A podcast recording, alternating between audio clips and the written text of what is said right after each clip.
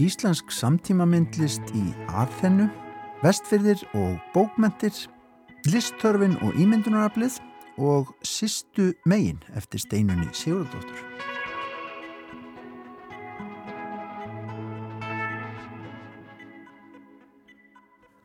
Íslandi og í Greiklandi starfa kröftugar myndlistarsinnur sem að miklu leitur drifnar áfram af listamannareknum rýmum.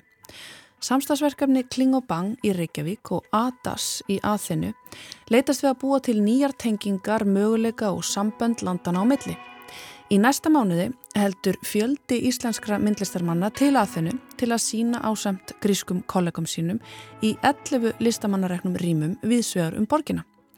Við förum í Marsjálhúsið og hittum þau Elisabetu Brynhildardóttur og Erling Klingenberg, tökum þau tali um verkefnið Head to Head. Við heyrum líka af málþingi sem fer fram í Sapnahúsinu og Ísafyrði á lögadag og heitir Lesið í sköpunarkraft vestfjörða. Þar verður fjallað um bókmenta og menningarsögu vestfjörða. Birna Bjarnadóttir, annar tveggja verkefnistjóra málþingsins, verður gestur viðsjár. Dagur Hjartarsson rítufundur heldur áfram að fjalla um listþörfina og ímyndunarablið í pisli sínum í dag. Og loks segir Gauti Krismansson hlustendum skoðun sína á leiksögunni Sistu megin eftir steinunni Sigurðardóttur. En við byrjum fyrir vestan.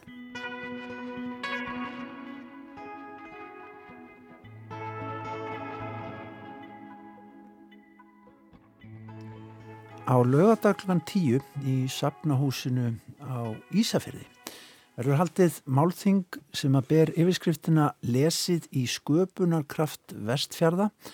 Þarna er verið að velta fyrir sér bókmenta og menningarsögu vestfjörða á Ímsakanta, veit ég. Og hingað er komin annan tvekja verkefnastjóra þessara, þessara málþings, Birna Bjarnadóttir, en það er Ingi Björn Guðnarsson sem að skipulegar þetta allt með henni líka, henni Birnu, en Birna, sko, vestfyrirnir það er kraftur þar sem er já, sangkvæmt yfirskriftinni finnst manni að sé, það sé kannski ekki alveg búið að tappa á hann sköpunarkrafti vestfjörða Nei, það er, það er það sem við höldum, það sem okkur sínist já. og uh, og þessi tilfinning uh, eða skinjun um, sko þetta fer alltaf stað sko þau sé einu suma námskeiði mm. á þessum slóðum í, hana, í sjö ár á vegum Íslensku deildar manni Tópaháskóla ah. og þá var ég þar fyrir vestan og, og við komum alltaf hingað þessi sjö sumur ég og, og kollegar og, og stúdendar deildarinnar og þá einhvern veginn byrjaði að renna upp fyrir mér og, og fleirum að, að, að það væri eitthvað döglarfullt mm -hmm. við um, við sérstaklega vestfyrðina mm -hmm. og sköpuna kraftin þar í tengslum við sko bókmenta og, og menningar sögu sko skráða ja. Skil, skilur þannig að þannig eiginlega þannig eiginlega byrjar þetta og, og, og ég veit ekki þetta, þetta ef ég á að lýsa sko bara þessu ferðarlagi sko við tókum alltaf ferjuna baldur og uh, það var eiginlega á þessari ferju þá, þá áttu sér stað svona ákveðin hérna ákveðin vatnarskil uh mhm. -huh. í pælingunu um samband manns og náttúru uh. og svo þegar við komum inn í djúpið og, og nærligjandi fyrir því að þá að þá bara gáttu við ekki varist þeirri, þeirri hérna, tilfinningu uh. með hliðsjón af sko þessum líkil bókmentaverkum í gegnum gjörvalla bókmentasöguna sko þau raða sér já þau raða sér bara einhvern veginn upp já. frá miðaldum já. til okkar tíma Hva, nefndu dæmi fyrir okkur. Fósbræðarsaga, Akkurat. mjög gott dæmi og fleiri miðalda, miðaldasögur og svo eins og er búið að uh, fjalla um og verður haldið áfram að fjallum á þinginu á, á laugatæn sko um, 16. 17. öldin Mm. sko djúpið er engin menjulegu staður heldur þá og, uh, og svo náttúrulega komum við inn í nútíman og þá erum við með eitthvað sem við getum með góðum móti kallað höfuritt íslenskra nútíma bókmenta Ja. þarna er bæði Gunnar Gunnarsson Svartfugl, Mm. tala nú ekki um þarna Haldur Lagsnes þarna Gerpla og þarna Heimsljós og, og, samkvæmt heimildum að þá að þá átti líka ferðalagið hans um vestfyrði uh, stóran þátt í sjálfstæðu fólki um, nú svo erum við með þarna mm, ljóðskáld Já. sem er uh, algjörlega mögnuð Halla Ejjólfsdóttir Mhm. Sem við getum uh, krynt hér með svanadrottningu íslenskra bókmenta Mhm. talan ekki um Stein Steinar uh, við erum með Jakobínu Sigurðar.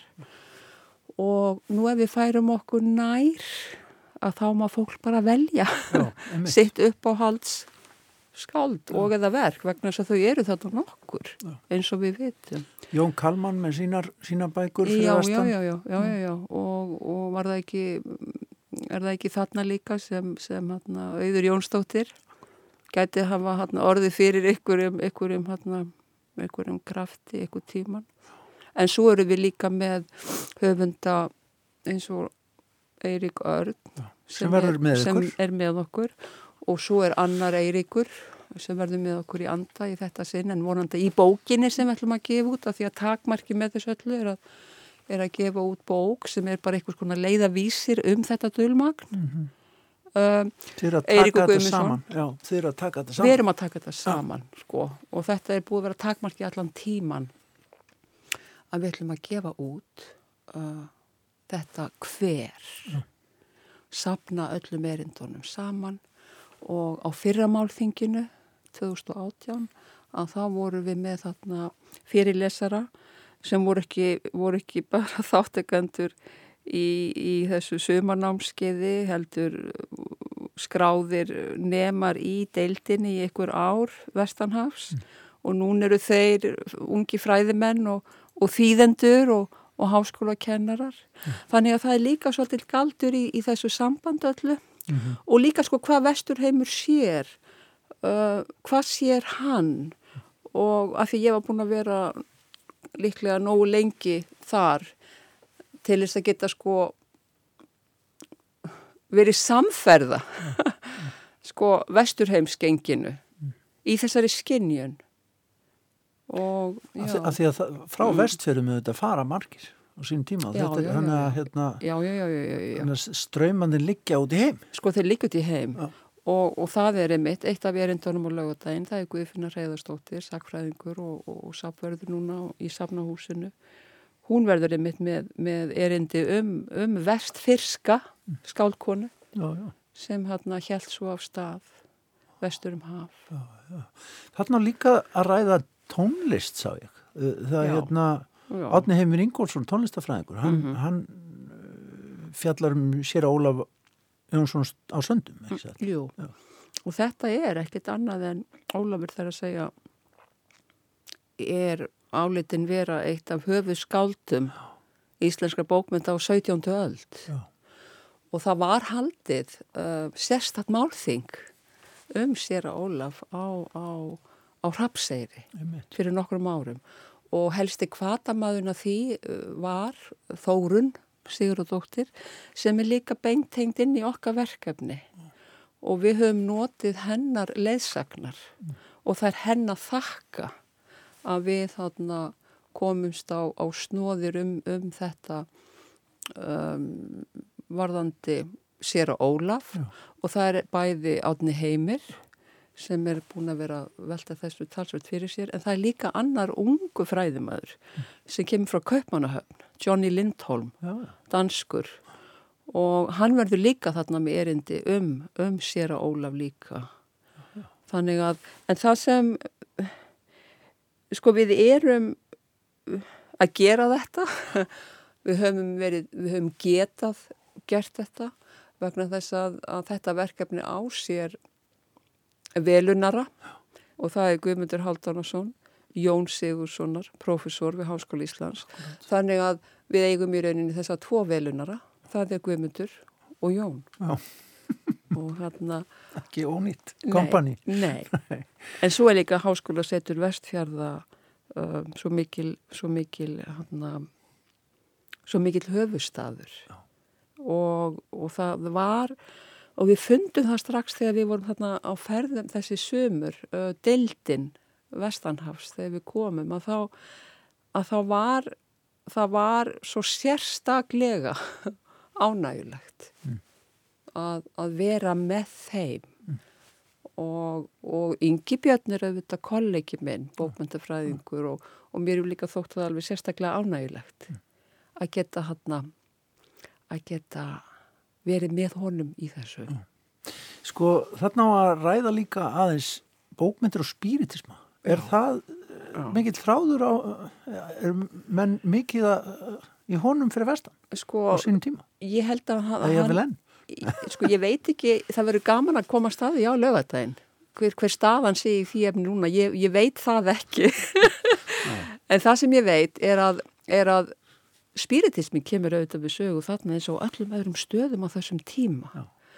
Og, og ég minna einar kvaran einn höfuð spiritisti Íslands sögunar sko hann var auðvitað í vesturheimi. Já.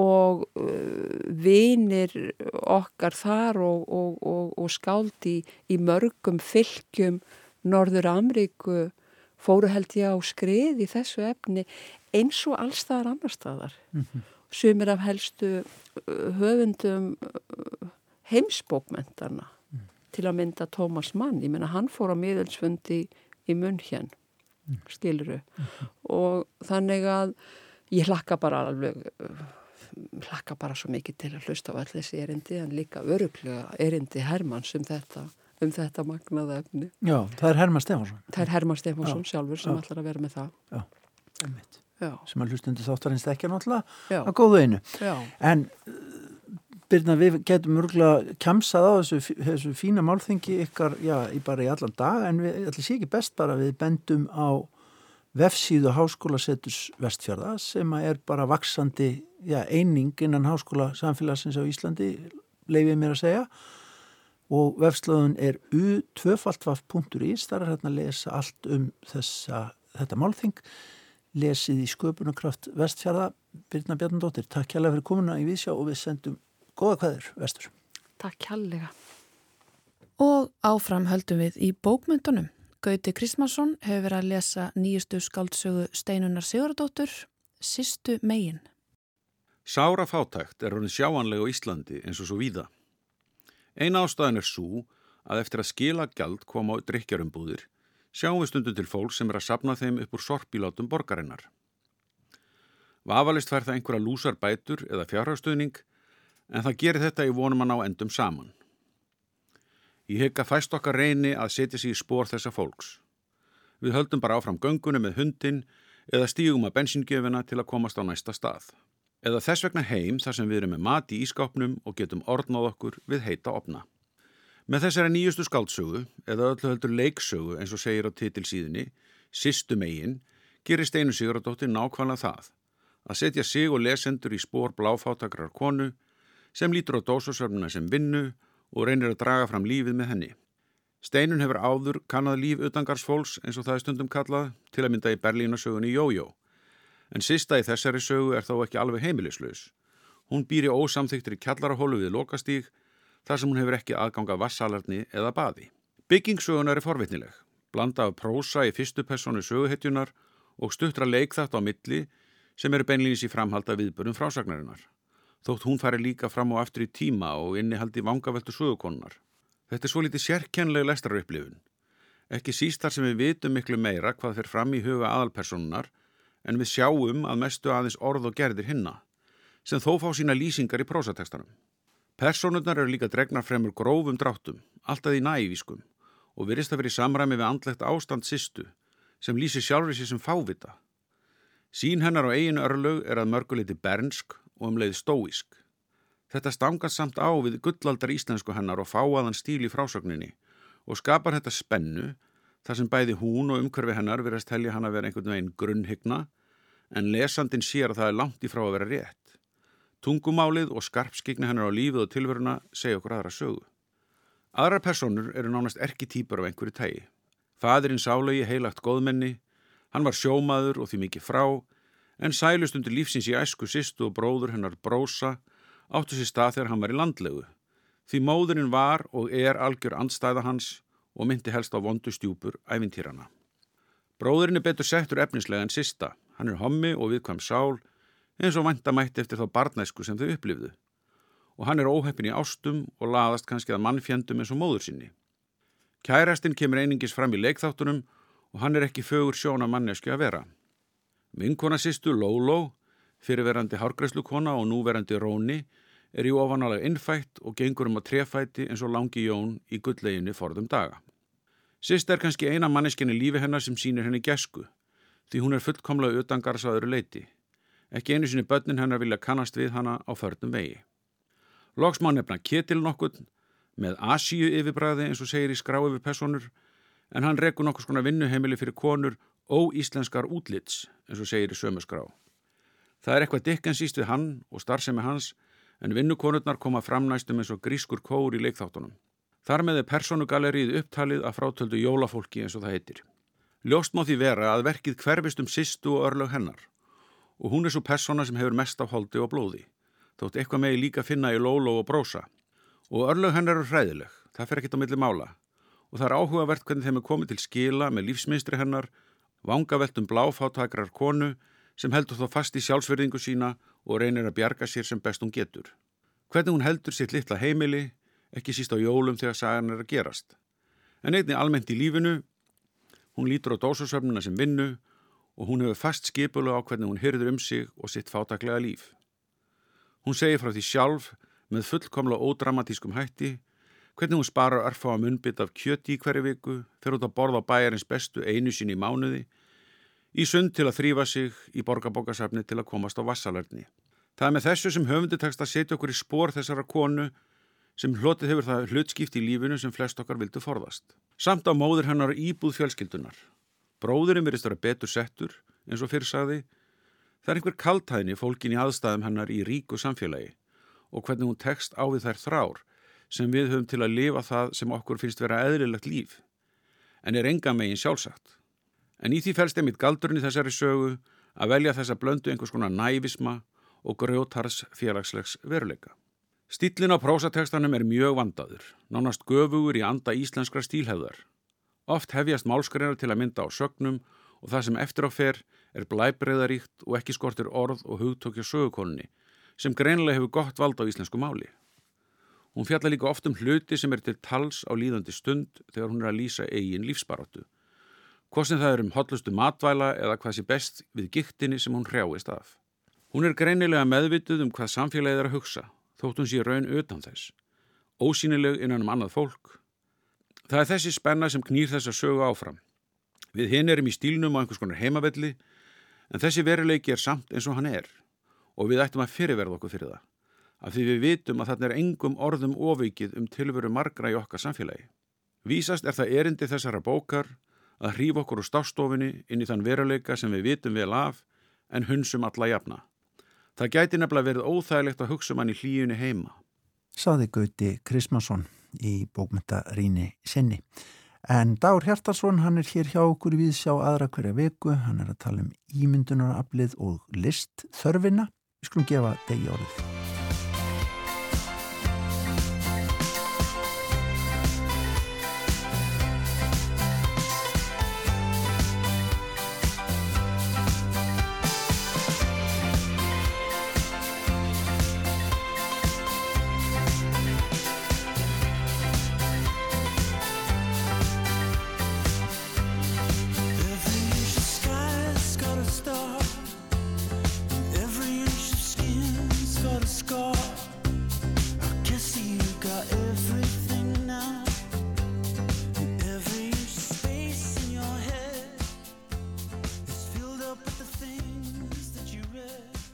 Daginn var ég heima frá vinnu með dóttur mína sem er komin með fyrstu leikskóla pest haustins. Við kuppuðum og lásum og fórum í mömmó og svo dætt mér í hug að finna eitthvað flottan dýralífsþátt til að sína henni. Ég opnaði Netflix og við mér blasti heimildatháttaröðin Plánetan okkar, þar sem David Attenborough leiðir áhörvendur um ólík lífríki jarðar, höfin, frumskóana og eðimerkurnar en dóttun minni leist best á þáttin um hinn frosna heim, en það hrifin af mörgæsum, selum og íspjörnum. Það rann fljótt upp fyrir mér að eins og með margar góðar hugmyndir þá var þessi líka mjög slæm. Hinn frosni heimur verður auðvitað bráðum að stórum hluta hinn hortni heimur. David Attenborough var líka ófeimin við að gauka nöturlegum staðrendum að okkur áhörvendum. Pappi, Hvað er kallin að segja? spurði dóttur mín inn á milli, hugfangin af dýrunum og ég fann þetta kunnulega vonleysi flæða yfir mig. Ég vissu þetta alveg hvað kallin var að segja. Við veitum öll hvað kallin er að segja. Eiginlega ekkert ríki í heiminum er á áætlun með skuldbindingar sínar gagvart Parísarsamkómuleginu. Nefn eitthvað stórkoslegt breytist mun hlínun jarðar fara langt yfir tvær gráður við enda aldarinnar með hræðilegum fyrirsjáanlegum og líka hræðilegum ófyrirsjáanlegum afleðingum. Og við erum eiginlega alveg dofin fyrir þessu. Núnum daginn var haldinn hér í Reykjavík ráðstefna um málefni Norðurslóða, Arctic Circle ráðstefnan. Eflaust hefur eitthvað markvert farið þar fram en það var tákrænt að eina aðal fréttin af ráðstefninu og kannski svo eina sem ég nefndið að opna var svo að fyrstir á þeirra Skotlands hefði afhengt forsættisráður okkar Íslands glæpasögu að gjöf. Þær hefðu báðar svo gaman að glæpasögum, eins og við öll. Sem sagt, frétt sem er algjör ekki frétt. Frétt til að fóðra dóðan. Hvaðan kemur allur þessi dóði? Og vonleysin sem fylgir dóðanum. Vonleysi sem getur orðið að fangaklefa. Ég lokaði dýralífstættinum og stakk upp á einhverju öðru að gera. Við mér blasti valmynd Netflix og setnaðan um kvöldið, þegar hún blasti aftur við mér, fannst mér ég næstum verið að horfa á rimla í fangaklefa eða hlaðborð af deyfilifjum. Við kveikjum á sjómarpinu til að slökva á okkur sjálfum. Við erum þreytt eftir erfiðan dag, langan vinnudag, álag í skólanum, okkur líður ítla í líkamannum eða bara sálinni. Eitthvað, hvað sem það nú er, rekur okkur í sófan kvöld eftir kvöld, við kveikjum á sjómarpinu og slökvum á okkur sjálfum. Og það er í sjálfu sér ekkert nýtt, fólk hefur horta á misgott og gáðulegt sjómarp frá því að útsendingar hófust. Deyfilif eru heldur ekki í sjálfu sér allslæm, en magnið sem við innbyrðum þau í er að ég held komið langt yfir rálaðan dagskamt. Maður hitti valla fólk lengur á þess að vera farin að bera saman áhorfsbækurnar og það er enga smá bækur. Hæ, við höfum ekki hist í tvær vikur. Ertu í millitíðinni búin að sjá þessar þrjár glæpaþáttaræðir og þessar fjórar raunveruleika þáttaræðir þar sem þáttakendur niðurlæga sjálfa sig á alveg ótrúlega frumlegan hátt? Ef hægt væri að mæla magn affreyingar í frárenslis og skólpkerfinu eins og magn kokains, þá væri hægt að tala um faraldur. Ef þessi deyfilif myndu skila sér út í hafið, þá held ég að að segja fiskarnir myndu hætta að synda. Þeir myndu gera eins og við. Stara í ljósið á meðan þeir sikju til bots. Það er alltaf eitthvað nýtt á Netflix og á öllum hinnum streymisveitunum og bara allstaðar. Það voru dettin ástrálskir glæpa þættir hrikalega fínir eða voru þeir finskir eða íslenskir eða frá eigu í Kirrahafinu sem ég hafði aldrei hert getið áður. Ég man það ekki alveg Þeir eru svo gott sem allir soðnir upp úr sömu formúlinni hvort þið er. En áður en næsti glæpa þáttur fer af stað, skulum við grípa fjärstyringuna og minn okkur á orð sænska skáldsins Thomasar Tranströmers. Alvarlegustu glæpir upplýsast aldrei þrátt fyrir viðleitni margra lauruglumanna. Því sá grunur læði staðmanni að hér sé verið að fremja glæp, að við höfum verið leitt í gildru. Beinum aftur aðteglina viðmóti Netflix því þetta snýst ekki bara um hvað við innbyrðum mikið efni, svo ég noti orðið efni, heldur líka hvernig við tökum það inn. Þegar ég fekk með Netflix fyrir svona fimm árum var viðmótið öðru í segjan það er í dag, eðli mál sem samkvæmt. Allt á netinu hur breyst á síðustu fimm árum. Allt er orðið svo miklu librara og mýkra. Alls konar nýjir fítusar hafa komið til sögunar. Ég get nefnt skip intro fítusinn en hann gerir manni kleft að koma sér beint að efninu og sleppa kynningarlægi eða forspili þáttar. Þetta eru auðvitað mjög þægilegt þegar maður gleipir í sig marga þætti í röð. Svo varð tíminn frá því að einum þætti líkur, þar til sá næsti hefst, stittur all verulega. Áður fór næsti þáttur ekki af stað sjálfkrafa fyrir en allur kreditlistin var búinn. Nú er manni tilkynnt að næsti þáttur sé um það bila hefjast um leið og kreditlistin hefst. Maður hefur eitthvað tvær, þrjár sekundur til að afstýra því og á mínu heimili verður þetta ofta svakalögu kapplöpi við fjárstyringuna. Stopp, ekki meira efni í kvöld, ekki meir. Nýjasti fítusinn og sá klikkaðasti til þessa er lausn á vandamáli sem margir kannast við. Maður reyðir heilu kvöldi í að leita sér að þætti til að horfa á og bara getur ekki ákveðið sig. Finnur ekkert.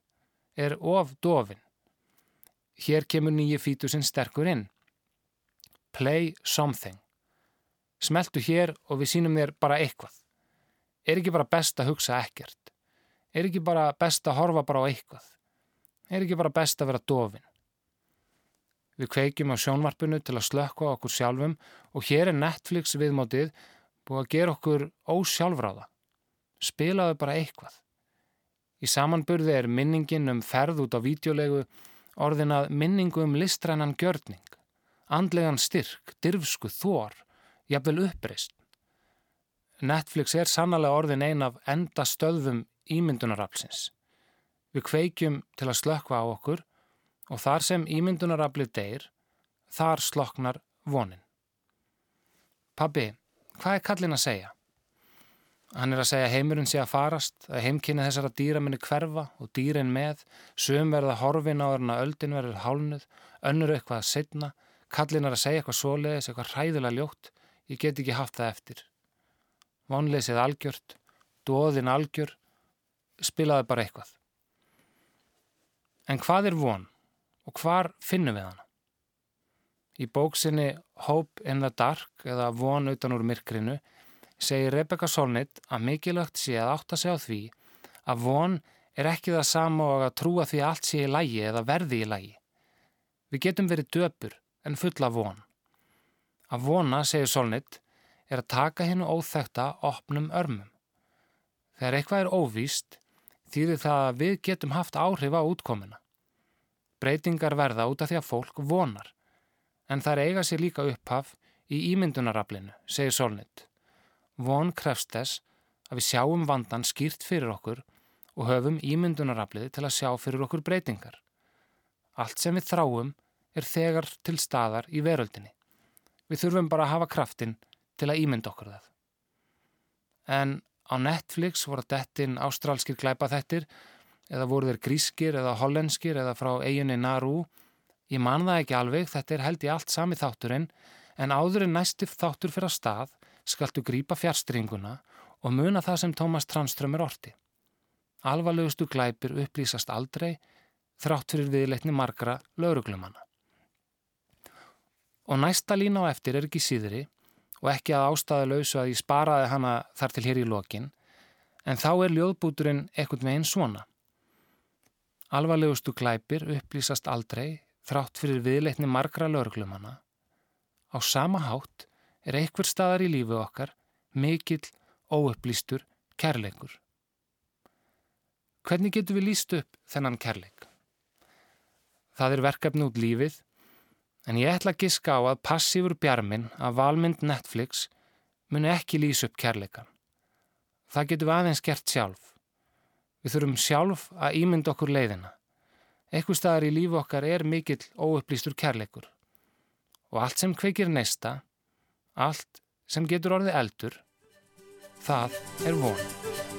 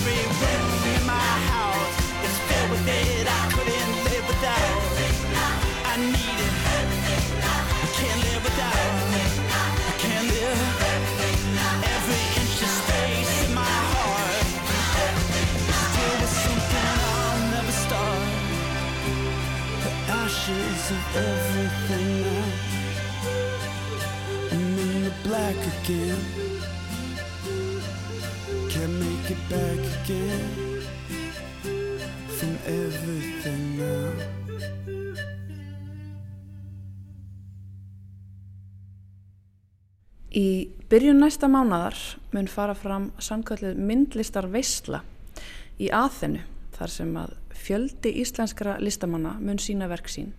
45 listamenn, grískir og íslenskir munu sína í 11 listamannareknum rýmum. Á baku þessa spennandi uppákomu stendur meðal annars Kling og Bang og við erum mætt hingað í Marsjálfhúsið til að heyra af þessum viðbyrði. Þau Erling Klingenberg og Elisabeth Brynhildardóttir, þau ætla að sitja hérna fyrir svörum. Góðan daginn og takk fyrir að taka á mótu mér hérna með kaffibotla. Góðan daginn og velkomin. Takk. Hvernig verður svona viðbyrðu til? Já, svona viðbyrður verður náttúrulega bara til yfirleitt með lítilli hugmynd sem kannski maður missir svolítið stjórn á á jákvæðan hátt, held ég. Mm -hmm. uh, við vorum svo lánsum hérna, lánsum hérna í Kling og Bang að, að það var ung kona, Rúri Sigriðardóttir Komata sem er íslensk og halv grísk og var hérna að hjálpa okkur rosa mikið uh, fyrir alveg tveim-þreim árum síðan mm -hmm. og hérna Uh, á sama tíma fórum við að heyra því að Eva Íslefsdóttir væri með listamannareikið rými í aðhennu og það fór svona að bera á því að mikið af Íslendingum og öðrum voru að fara til aðhennu til þess að sína og bara líka búa og vinna, búa og, vinna já, og starfa. Og maður tók alveg eftir einhverju svona ákveðnum ströymi þangað af listamönnum. Og það er rauninni byrjað því að við hófum smá samtal við Efu Íslastóttir með henni Rúri. Okkur fannst eitthvað skemmtilegt að reyna að tengja þetta tvent saman. Og upprunnulega átti þetta nú bara að vera uh, lítil síning á verkum Íslendinga í Adasgalleri en svo bara algjörlega markfaldaðist þetta og þetta eruðu 11 síningarými og, og eru samkvæmst nýjistu tölum 45 listamenn Aha, það er alltaf að fæðast nýjir En hvað hva veldur þessum ströym íslenskara listamanna til aðþinnu? Er það þá svo staður enda það er ekkið galeri þar af Íslendingi eða hvernig gerist svona? Nei, sko, ég, ég og hérna, Sirra Sigrun, kona mín, vorum hana höstið 2018 í þrjá mánuði og hérna þá tók ég eftir að það var, að var sko allra þjóða listamennana sem ókynntustu mörgum þeirra og hérna uh, þetta myndi mig rosalega á að vera þannig að eins og fyrsta sinn svona hvað tveimur árum eftir að múrin fjall í Bellin fyrsta sinn sem ég var í Bellin og hérna bara stemningin og það, þetta er svolítið svona uh, hvað er á íslensku do it yourself ja. En, en þetta var bara mikið þannig bara þú veist gerðu það sjálf mm -hmm. sjálf, uh, gerið það sjálf en sko fyrst og fremst eins og í Berlín hann að upphafi eða var reynda fyrir sko 80's, 90's fyrir múri líka mm og gerist einhver tíma líka í, í hérna, Manchester held ég og það var svona einhverjus ákveðni púntar í Evrópu sem að listamenn bara flættu inn í og einn fyrst og fremst ástæðan var náttúrulega að það var sko ódýrt húsnæði mm -hmm. og ódýrt að lifa mm -hmm. og það er náttúrulega í aðfernu mm -hmm. og það er hægt að finna mjög ódýrar vinnustóður mjög ódýrar íbúður, ódýrt efni ódýr matur, góð matur, smá og en hérna þannig að ég held að það sé fyrst og fremst svona, svona allan byrjunin á ástæðinni fyrir því okkur fólk eða listamenn og fólk er að fara þannig eins og hefur alltaf gerst í sögunni og undir þeim svona kringumstæðum þá verða með til þessi eins og þú kallar svona gerðu það sjálfur kultúr, mm -hmm. þá verða til þessi listamannareknu rými sem að Já. skapa síðan þessa grósku sem að vex út frá sér Svo reyndar í aðeins náttúrulega, sko, náttúrulega eins og við og mörgannur lönd lendu í hruninu fræga hennar 2008 og þeir náttúrulega eru, ég veist ekki bara enna jafna sig á því í Greiklandi sko. og hérna þannig að til dæmis þegar ég var hann 2018 þá er sko eitthvað 5-6 hæða, ég man ekki hversu margi þúsund fermetrar uh, listasafn. Og það var bara fyrsta jarðhæðin opinn og það hefur verið tómt í mörg ár. Og hérna en núna stendur til að opna ef það er ekki nýbúið að opna það. Það, var sérstaklega einhver engaðali, efnar engaðali sem að lagði einhverja peningi í þetta. Mm -hmm. en það er sko, náttúrulega þeir eru með alveg fullt af söpnum sem að þú veist, yfir hérna gamla, forna frábær söfn. En þegar kemur svona nútímanlist þá verist erfiðar að fá peninga í það og miklu hægari þú veist, framgangur á því einhvern veginn að opna eða, eða, eða já, virkja það. Þannig að ég held líka að síðustu árin sko, hérna, eftir hrun og ég veit nú ekki alveg hvernig það var fyrir en, en þá skapast þetta að listamann að rekna þú veð bara, ef á eitthvað að gerast bara gera það sjálf Skapast svona einhverjar kjör aðstæður fyrir sköpunarkraftina mallast. Þú hefur upplegað þetta sjálf, Elisabeth. Já, algjörlega. Og mér langar líka að bæta við sko varðandi svona staði eins og aðinu og ég býst við Berlín, ég náttúrulega uppliði kannski ekki alveg þessa tíma sem, sem eru orðnir heimsfrægir mm þarna í Berlín.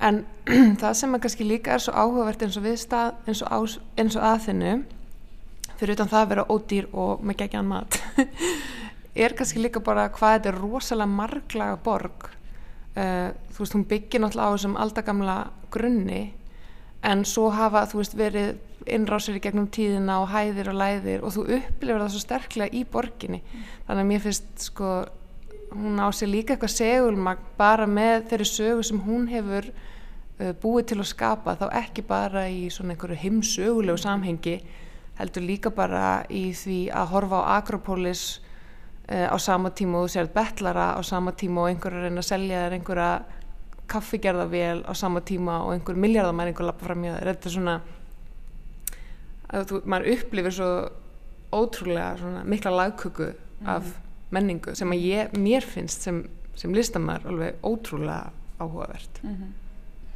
Síðustu ár þá einmitt hefur auðvitað ströymurinn leiðið allir til Berlínar þar sem að húsnaði var ódýrt en nú er það ekki ódýrt lengur. Nú er kannski bara að þenn að taka við. Já það er alltaf breytast, ég hef alveg heyrt um listamenn sem hafa verið lengi í Berlín og er að fara jafnveli á til Aþenu og, og Porto, Portugal hefur líka verið svolítið svona inni síðustu árin. Mm. þannig að hérna, já bara eins og ég sagði aðan veist, þetta er svona listamenn elda það sem er kannski ódýrt að framflita sér. Mm -hmm. En ef við tölum aðeins um þessa myndlistasennu hvað eh, er ykkur svona skörun eða myndlistasennan hér og í aðfinnu eitthvað sammeilagt? Já, heldur betur, það var eitthvað sem okkur fannst mjög áhugavert og líka kannski ein af ástæðum fyrir því að þetta verk svona marg, eh, verkefni markfaldaðist svolítið og það er því að við hérna, við erum alltaf samála um að e, við sem að þessu verkefni standa að við upplifum til dæmis myndlistasennin á Íslandi mjög svo áfram e, af framtæki listamanna e, hvort sem það er í formi listamannareikina rýma eða bara það að redda sér rými einhver starf að búa til síningu að sko vera sjálfur svolítið drivkraftur í að búa til það umhverju sem þú vilt hafa mm. uh, ég held að við upplifum það allt það uh, sem stóran part af íslensku myndlistasinninni og svona mikilvægan part mm. ég held að flest okkar sættum okkur við að þú veist, eða tíðuskall í matapokan á Íslandi úr því að þetta er til staðar þetta eru. Og þetta er eitthvað sem maður upplifir algjörlega í aðþinu líka. Þar er rosalega mikið að listamannareiknum rýmum og maður finnur að sko þeirra framtak og þessi rými hafa virkilega eitthvað að segja um það hvernig borgin er. Mm. auðvitað eru fórsendurnar þar og kannski umhverfið allt annað. Þannig að miklu starri borg ég, man, ég held hún sé ef mann rétt tveggja miljón manna borg að með við erum hvað tæplega 200.000 manna borg mm. þannig að auðvitað hefur það áhrif og þau eru kannski að kljást við önnu vandamál sem við erum ekki að kljást við þú veist spillingu á í einhverjum hérna, kerfum sem við kannski upplifum ekki þannig að það er að vera til einhverju önnu dýnamík en það er samt eins og að sko, þrátt fyrir allt svona vesen að þá er þessi sena rosalega eh, öflug þarna mm -hmm. og þá fannst okkur einhvern veginn alveg borðileggjandi að það erði búið til einhver að myndu reyna að tengja þessar tvær senur einhvern veginn saman. Mm og út frá því var til svona hugmyndunum uh, að búa til svona tvíhliða síningaverkefni þar sem við förum með íslenska listamenn til Greiklands en í staðin fyrir að bara planta þeim í einhver galleri og lefa þeim að opna og rosa gaman þá vildum við líka sko tengja það við gríska listamenn.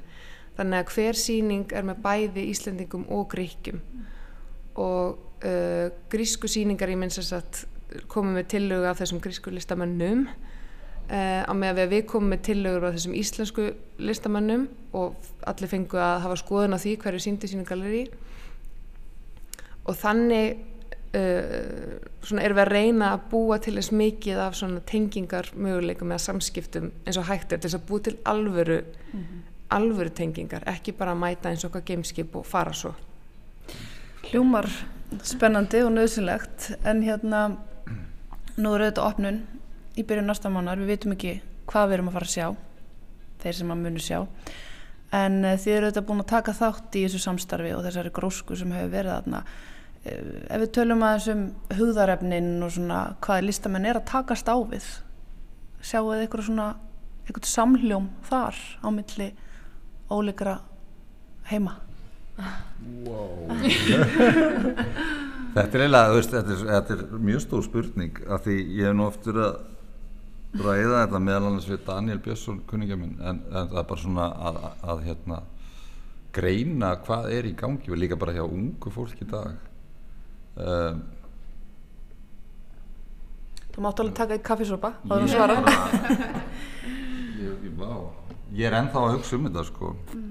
Það er sko, uh, nú er ég eiginlega bara að tala um sko Íslands, ég get ekki, ekki kannski alveg farið strax út í þetta gríska, en hérna, sko, kannski einhver smit út frá stefnu listaháskólan eða eitthvað, það er, það er komið svona, samt ekki algilt sko, en maður sér svolítið bera meira á sko kannski þessu sko, þessu svona rannsóknatengda lista nálgun, listrætni nálgun sem er eitthvað svona mikil yfirlega og rannsókt sko það er svona einn ein, ein vingill á því en ekki algildur myndi ég segja ert þú með svarfið þessu Elisabeth? Sko, mér finnst bara, hérna, mér finnst mjög áhvert að sjá þá listamenn sem hafa poppað upp í öllum þessum samræðum sem við höfum átt eh, og að fyrsta sem maður tekur eftir er hvað margt af þessu er, er sko um, universal, óm Jésús, hvernig segir maður hann á íslensku? Uh, svona Algilt. Ég er sko, já, nánast algilt en eitthvað sem þú sérð sko annars það líka uh, veist, það, það bara er Vestrænt. svona, já, bara í, í kannski vestrannu menningarheimi er það sem að sér í myndlist ríkjandi, eða þú veist það er ekki kannski mynd ríkjandi en það er það sem að sér í verkum þessara listamanna. Uh, og það er, þú veist, mér finnst margt að því maður sjá svipaður hluti hér á Íslandi. Og, en það sem mér finnst svo áhugavert uh, það sem maður sér í muninum á þessum tveim myndlistarsinnum er kannski líka að uh, til dæmis í Gríklandi og Aþenu þar er miklu ríkari hefð fyrir sko kannski handverki eða bara það að hafa ríka tæknikunnáttu. Og það er ótrúlega gaman að sjá uh, verk sem að kannski byggja svolítið mikið á þeim grunni en takast líka alveg á við svona einhver samanleg uh, hugðarefni sem að maður finnur líka algjörlega á Íslandi og þá er bara spurning hvernig við Íslandingarnir stöndum okkur í samanverði En ég, svo, ég tók samt eftir því þannig að þeir sérstaklega þegar ég var í þess að þrjá mánu í Gríklandi að þú ert að tala um þetta, þessi, þessi, þetta handbræð og það, en sérstaklega svona yngri kynslu listamannar að þeir voru, þeir sko að lágið að þeir hötuðu, þú veist, Agrapolis og allt þetta forna. Og hérna, en það var allstað, þú veist að lappa út á götu, veist, og maður bara steig og lappaði yfir eitthvað fornan rómverska stíg eða eitthvað grafið út eða maður satt á einhverju bekk sem að var bara eitthvað þú veist, bara í kringum bara þegar Jésús var að fermast eða eitthvað sko, en hérna þannig að þú veist, það er svolítið svona, þú veist, þetta er svolítið svona jú, þú veist, þetta er eitthvað sem að þau geta byggt á en, en þetta er líka svolítið svona þungt á öxlanum á þeim held ég sko að, að kljástu þetta. Og ég held kannski, þú veist, nú þekki ég ekki hvernig er að vera grísku listamæður og sína kannski, þú veist, í öðru landi en þú veist, ég þekki að sjálfur sko að, þú veist, það var sínt ef það er eitthvað, þú veist, hefur verið gras í verkinu mínu eða eitthvað að þá er það rosalega íslenskt þú veist, maður er alltaf settur í þetta náttúrulega sammingi þannig að við erum kannski að díla svolítið við það, þú veist, þetta, þetta, þetta náttúru já, já. náttúru stimpil á allt sem við fáum sko. en, en kannski það heldur ekkert skríti ég minna hvað, það er ekki það er kannski nýlega en það er ekki margar íslenska bíómyndir sem að, þú sér ekki fjall eða eitthvað ég man ég sá 101 Reykjavík ég var bara, yes, loksins. Mynd sem er ekki eitthvað út í náttúrunni að vaða einhverju á. Hvernig endar hún? Upp á fjalli. En, en þú veist, já, þetta er nú kannski útudur en þú veist, þetta er samt eitthvað veist, það er eitthvað svona saminlega þeirra saga náttúrulega alveg miklu eldri okkar er náttúrulega bara í grín í samanburði þá kannski listræn saga Já, já. sérstaklega. Um, En, en á sama tíma erum við samt kannski eitthvað að, að, að kljástu En Það er allir minn svona, allir með sinn svona íþingjandi, með sína íþingjandi Algjörlega, sögu á já, já. bakinu, spurning hvernig þú svona tekst bara kannski á við það hvort þú ætlar að brjótast undan því eða, eða getur nýttir það, Já. getur nýttir það, getur íþyngdir það er svona En það sem ég ætti kannski, já, ég ætti kannski ekki við sko það að maður sér kannski endilega í verkum þeirra einhvað bergmál frá forn gríkjum. Ég ætti kannski meira við það að það er svo áhvert að sjá að, að fyrir þeim, fyrir þau að búa til dæmis til bronskultúr er ekki eitthvað, þú veist, 20 miljón krónar verkefni eins og það væri hér. Þú veist, það, þeirra, Já. eins og til dæmis bara þeirra ná, nærtakasta ráefni er marmari. Þú veist, það er bara eins og grágrýti hér, eitthvað sem þú finnur bara til fjöru og þar, þar að leiðandi er bara trúlega venjulegt eitthvað að gera listaverkur úr marmara sem kannski á Íslandi væri bara, vá, hver er að sponsa þetta, sko, þetta kostar eitthvað.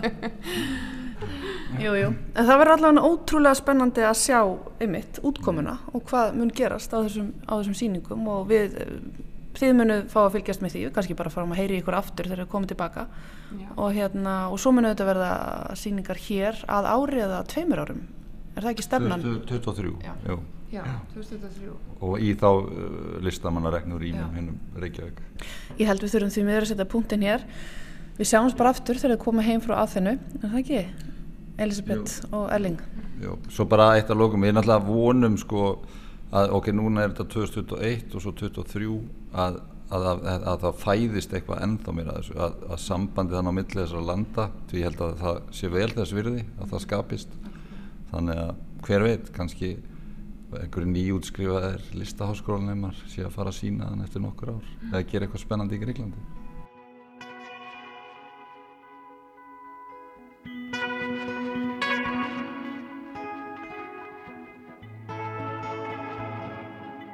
saði Erling Klingenberg en þarna var rættið hann og Elisabetu Brynhildardóttur um spennandi samtíma listasýningu íslenska sem að framöndan er í aðfennu þeirri fornu menningaborg. Við að ljúka við sjá í dag ágættu lustendur við minnum á úrvalið sem verður á dagskrá rásar 1 klukkan 14 á sunnudaginn. Takk fyrir okkur í dag og verið sæl. Verið sæl.